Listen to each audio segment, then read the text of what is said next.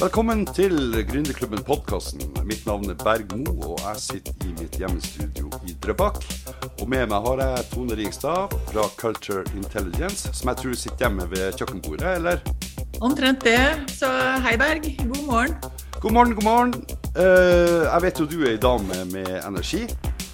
Og jeg kjenner deg litt fra før av, så du var liksom en sånn litt sånn safe bet på det her stadiet der vi driver og lanserer Gründerklubben-podkasten. Men eh, kan ikke du si litt eh, om deg sjøl og din bakgrunn?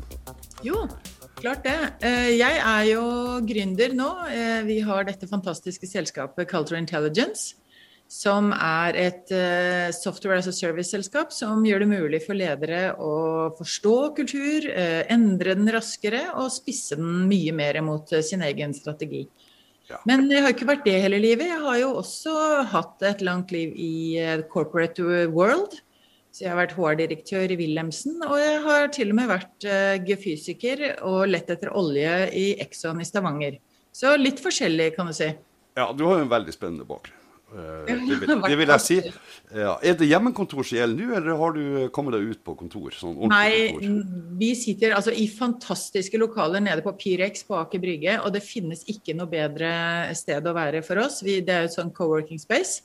Og nå har vi blitt uh, syv, stykker, syv personer som jobber i selskapet, så vi er nødt til å ha et sted hvor vi kan være fleksible. Men akkurat i dag så har jeg en avtale etterpå som gjør at jeg ikke rekker ned til byen først. Så da må jeg lage litt annen logistikk.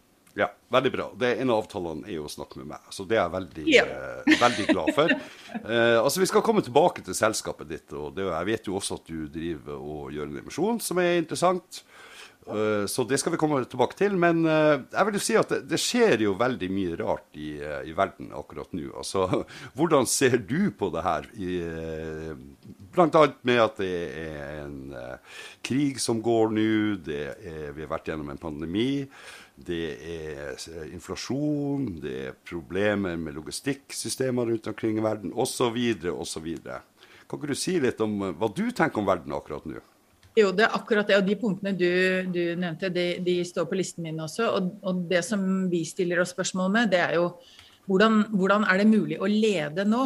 Fordi det å lede en virksomhet, eller for så vidt starte opp igjen og bygge en, er jo utrolig utfordrende når ting er noenlunde stabilt. Men er det noe som ikke er nå, så er det stabilitet og, og, forutsigbarhet. Så det som skjer når den strategiske horisonten blir kortere, altså du klarer ikke å se langt frem og, og se et bilde, det, det, er veldig uforutsigbart. Og en som sa til meg her en dag, jeg føler at jeg leder gjennom tåke. Um, og det er ikke så rart, fordi uh, nå er det fryktelig vanskelig å se noe særlig lenger enn armlengdes avstand fremover. Og da er det jo sånn at det å ha denne gammeldagse, nesten sånn ideen om at det er en visjon fem år frem i tid, og vi har en strategi som skal ta oss frem dit, og den er regnet på, den er tegnet på, det er ikke så greit lenger. Så, så det som gjelder nå, da, som, sånn som vi opererer, det er jo denne innsikten om at det er korte sprinter. Det er, du må ha endringsevne, du må ha samarbeidsevne, du må klare å lage fremtiden din as you go. Linda Hill sin forskning 'Collective Genius' er fantastisk beskrevet i hvordan disse teamene jobber sammen, tar nye beslutninger, itererer, går videre. Fordi den lange horisonten er mye vanskeligere. Så og, og, dette skaper jo behovet for å ha de riktige folka med de riktige mindsettene og den riktige kulturen rundt seg. Så kultur for, for, for alle praktiske formål er nå viktigere enn noen gang. For hvis du ikke har de riktige folka og, og lederteamet ditt nå, så blir det der veldig vanskelig. Og risikoen for at du da havner i bakevja, den, den øker. Så det er litt sånn vår tid akkurat nå, med fokus på menneskene i bedriften og hvilken styrke og evne de har til å ta gode beslutninger sammen. Jeg vet jo at du er veldig opptatt av eh, det som på godt norsk heter purpose, eller hensikt. Eh, kan ikke du si litt om det, og kanskje du har noen gode eksempler også på eh, hvordan bedrifter jobber i forhold til det her? Ja, purpose er jo nå noe av det som erstatter den, den måten vi tenkte om visjoner tidligere. Altså En visjon det er jo et fremtidsbilde som er attraktivt, og som gjør at du vil gå mot det bildet og prøve å så, så fort som mulig oppnå at det skjer. Og Det gjør jo at hvis de f.eks. har en femårsplan og en visjon for det, så følger man en gitt linje og en plan. Eh, det vet vi at er vanskeligere nå enn det var tidligere, fordi ting endrer seg så fort. Men en purpose, det er jo den indre drivkraften om hvorfor er det vi holder på med det vi gjør. Hvorfor-spørsmålet. Og det ligger jo i alle menneskene i organisasjonen. Og det å være helt krystallklar på hva er vår purpose, det er jo noe av det som da gir eh, anledning til å ta disse korte sprintene og si i forhold til purpose, hva gjør vi nå?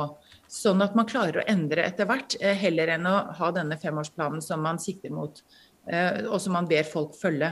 Så purpose er mye mer dynamisk og mye mer energisk, eh, energiskapende. Så purpose henger jo mye mer på verdiene f.eks., eller kulturen du ønsker å skape. For hvilken kultur trenger vi for å følge vårt purpose? Det er jo, De to henger jo sammen.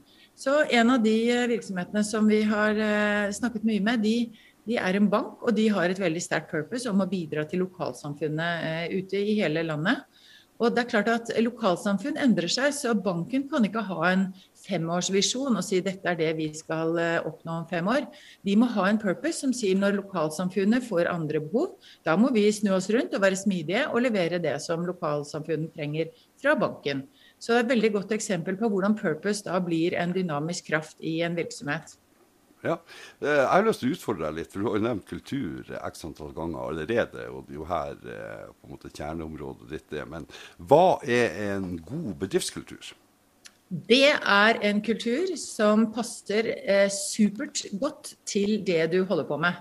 Så Derfor så finnes det jo ikke én Man kan ikke si at det finnes én god bedriftskultur. En, en, kultur må alltid ses i kontekst til det den skal eh, bidra til. Så når vi jobber med kultur, så tenker vi alltid hva er det denne virksomheten eh, holder på med, eller har som purpose, eller har eh, en strategi for å gjøre.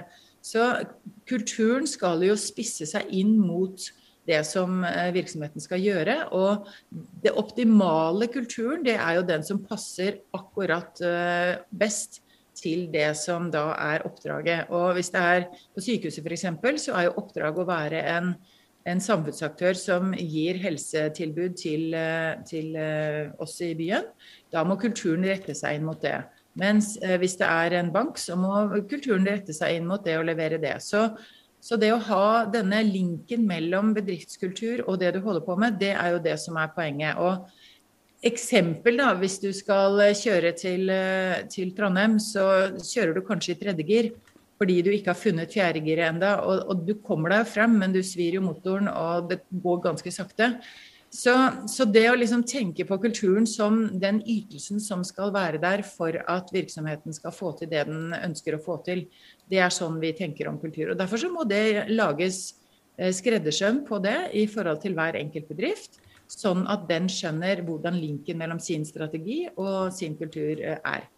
Ja, jeg, jeg, har jo hørt at du har snakka om de her fire r-ene eh, ja. i forskjellige sammenhenger. Kan du ikke uh, gå gjennom dem, for å si det sånn? Jo, dette er jo forskningen til uh, James Heskett, The Culture Circle. Og han sier uh, veldig tydelig det i boken at Og det er en bok som er noen år gammel, men den peker på fire områder som helt opplagt gjør at det er lurt å jobbe med kultur. Og det første er jo selvfølgelig relasjoner. Altså verdier underbygger jo alle relasjoner. Så når kulturen er bygget på verdier som eh, finnes i virksomheten, og som folk passer til, eh, passer til å jobbe med, så er det jo gode relasjoner. Altså vi, når vi treffer folk som har noen av de samme verdiene som oss, så kjenner vi en trygghet, og vi har ønske om å være sammen. Og motsatt fall, hvis vi møter folk som har veldig annerledes verdier, så har vi ikke sånn kjempelyst til med en gang å, å, jobbe med dem. Og dette er jo en utfordring i forhold til mangfold og innovasjon og alt det. Så man må utfordre det, men relasjoner bygger på verdier. Så har du eh, retention, altså det å beholde folk. Eh, det er jo kultur viktig på. Du slutter ikke eh, så fort i en bedrift hvis du har en kultur der du liker deg, der du passer inn og der du føler at dette er akkurat sånn som jeg har lyst til å jobbe. Da er sannsynligheten for at du slutter eh, mindre enn hvis du hvis, i motsatt fall. Og så har du rekruttering. Det er jo helt opplagt at den bedriften som har et, eh, god innsikt i hvilken kultur de trenger å ha for, og er i gang med å bygge. De klarer å tiltrekke seg de riktige folka, sånn at sjansen for feilrekruttering, eh, som er kjempedyrt og er veldig energitappende, den er lavere. Så, så, rekruttering i forhold til å finne folk som passer til den kulturen du trenger, det er jo et av kanskje de viktigste poengene akkurat nå. Og til slutt da, så har du dette med ressursutnyttelse. Altså hvordan får du folk til å, til å gjøre det lille ekstra. Og tallene til Gartner sier at her har du over 20% forskjell på de bedriftene som klarer å få til en, en, riktig kultur, i forhold til de som har friksjon i kulturen sin, hvor ting går saktere og det blir dyrere. Så de fire r-ene der, de er eh, elementer som gjør at det er lurt å ha riktig bedriftskultur. Ja. Det her er jo veldig spennende. Og mm. det jeg lurer på nå, det er jo kan man måle god bedriftskultur?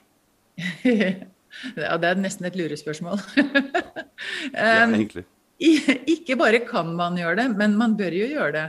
Fordi eh, bedriftskultur det er jo litt sånn usynlig, så du kan ikke, det, står liksom ikke, det står liksom ikke rundt omkring hva det er. Så du må i grunnen finne ut av det. Og før du vet hva du har, så er det jo veldig vanskelig å bygge det du trenger. For sannsynligheten for at det er et gap mellom den kulturen du har og den som er optimal for deg, den er stor. Så det vi jobber med, det er jo å få tak i den eh, kulturen som faktisk er. Og vårt produkt, eh, Culture Hackathon, det er en genial eh, prosess som, som tar én time. Og da eh, kartlegger vi alle folka i bedriften, samme hvor mange det er. Og så tar det, Kartleggingen tar en halvtime, og så ser vi på resultatene den neste halvtimen. Og Det betyr at hvis du er bedriftsleder, så kan du faktisk på én time få innsikt i hvilken kultur du har i bedriften. Og Da kan du bruke resten av den strategisamlingen på å finne ut hva mer må vi ha uh, i kulturen vår som kommer til å hjelpe oss i forhold til det vi holder på med nå. Så da har du god tid til å analysere det og legge på litt og lage en plan for sånn tror vi at denne fremtidige kulturen vår burde være. For da kommer vi mer opp i fart, jobber bedre sammen og kanskje øker evnen vår til å lære og å innovere. Ja, og så Hvordan kan vi relatere det her til startups? Altså Oppstartsselskaper er kanskje ikke så veldig mange og er i en tidlig fase, har ikke mye ressurser osv. Hvordan bør man ta tak i det her da, i, en, i en tidlig fase? Ja, det, det, er jo noe av det som er morsomst. da, For denne Culture Hackathon den kan man faktisk gjøre selv. Det er en software som gjør at du kan legge inn navnet på de som er i startupen. Trykke på knappen, gjøre surveyen og se på resultatet. Så den er nesten laget for at det skal være mulig å gjøre det på en veldig, veldig enkel måte. Og en startup, kan du si, den kultur er nesten skumlere for en startup å ikke ha innsikt i enn det er for en stor bedrift. For for hver person bidrar jo med sitt kulturelle fotavtrykk. Og hvis du er fem stykker i en startup eh, og skal ha inn fem til, altså du skal vokse sånn som vi skal, så er jo de fem nye de vanner jo ut de fem tidligere eh, ganske betydelig. Så kulturen din er jo en helt annen når de fem har kommet på. Og Det betyr at denne fantastiske founder eh, team-kulturen, den blir jo i verste fall ødelagt, men i kanskje i normalt fall, i hvert fall utvannet, og går en litt annen retning når de neste fem er kommet på.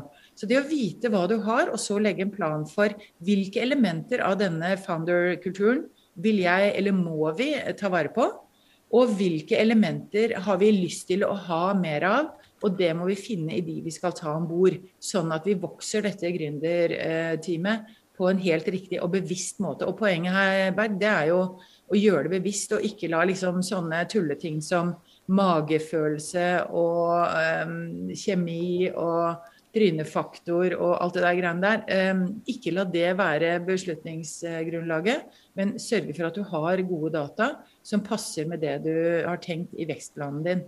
Så jeg vil også si at startup det, det, det burde være en must i alle sånne akseleratorer og i vekstplaner um, for å si hva, hva, slags kultur har vi, og hvordan bygger vi den. Og for investorer f.eks., nå kjente jeg ble litt ivrig, men investorer som, som ser på startup, så vi treffer jo en del av de nå.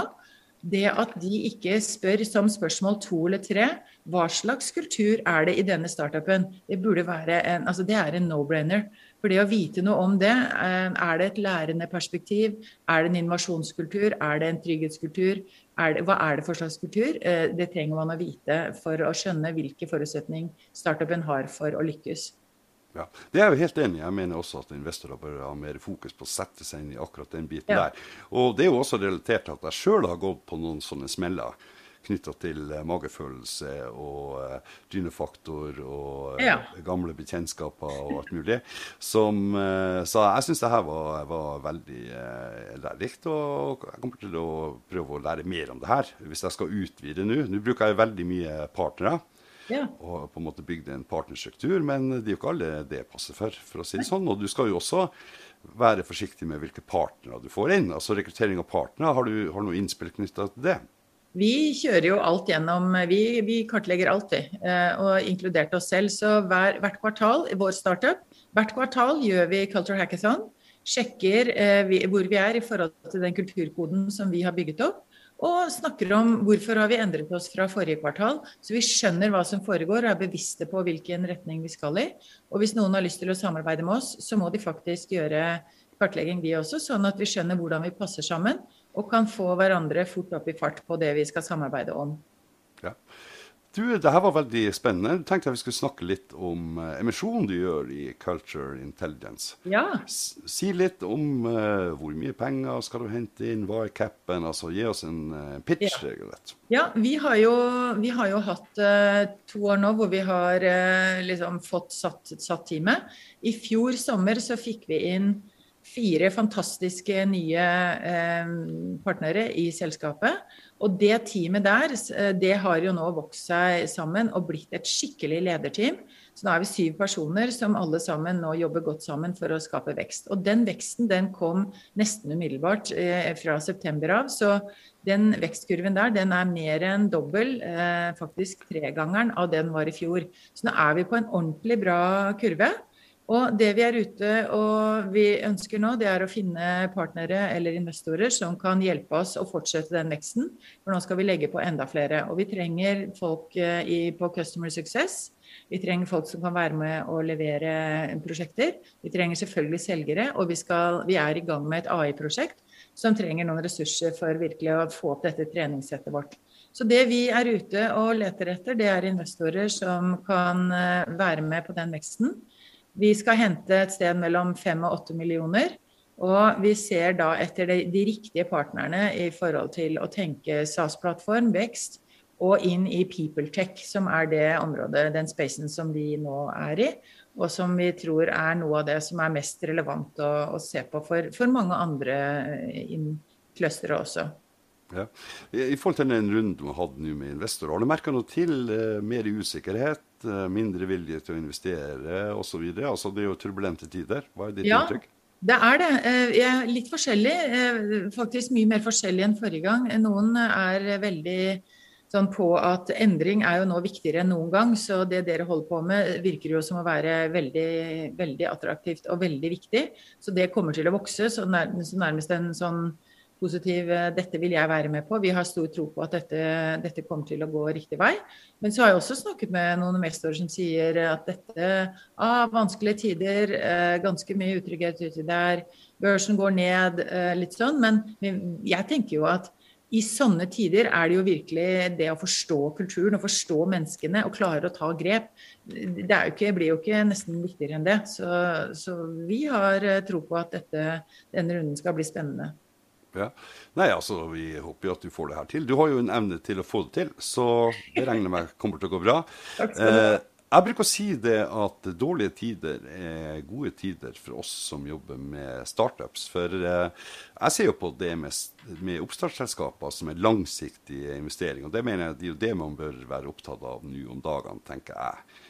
Eh, Så eh, jeg tenker at det kan være en, en grei avrunding. Og eh, jeg håper at dere som har lytta på her, har fått litt innspill. Og så er det jo bare å gå og se på de lenkene som ligger her på posten. Vi, har, vi kommer til å, å dele litt informasjon her, selvsagt.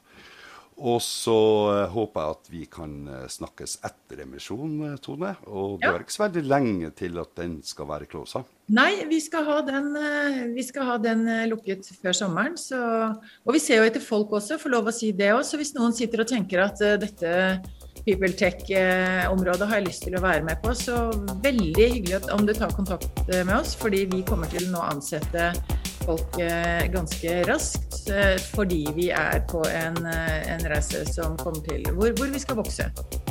fantastisk. Gleder meg til fortsettelsen, Ja. Tone. Òg. Lykke, lykke til, og så snakkes vi før vi vet ordet av det. Ja, tusen takk, Berg. Veldig hyggelig å snakke med deg om dette.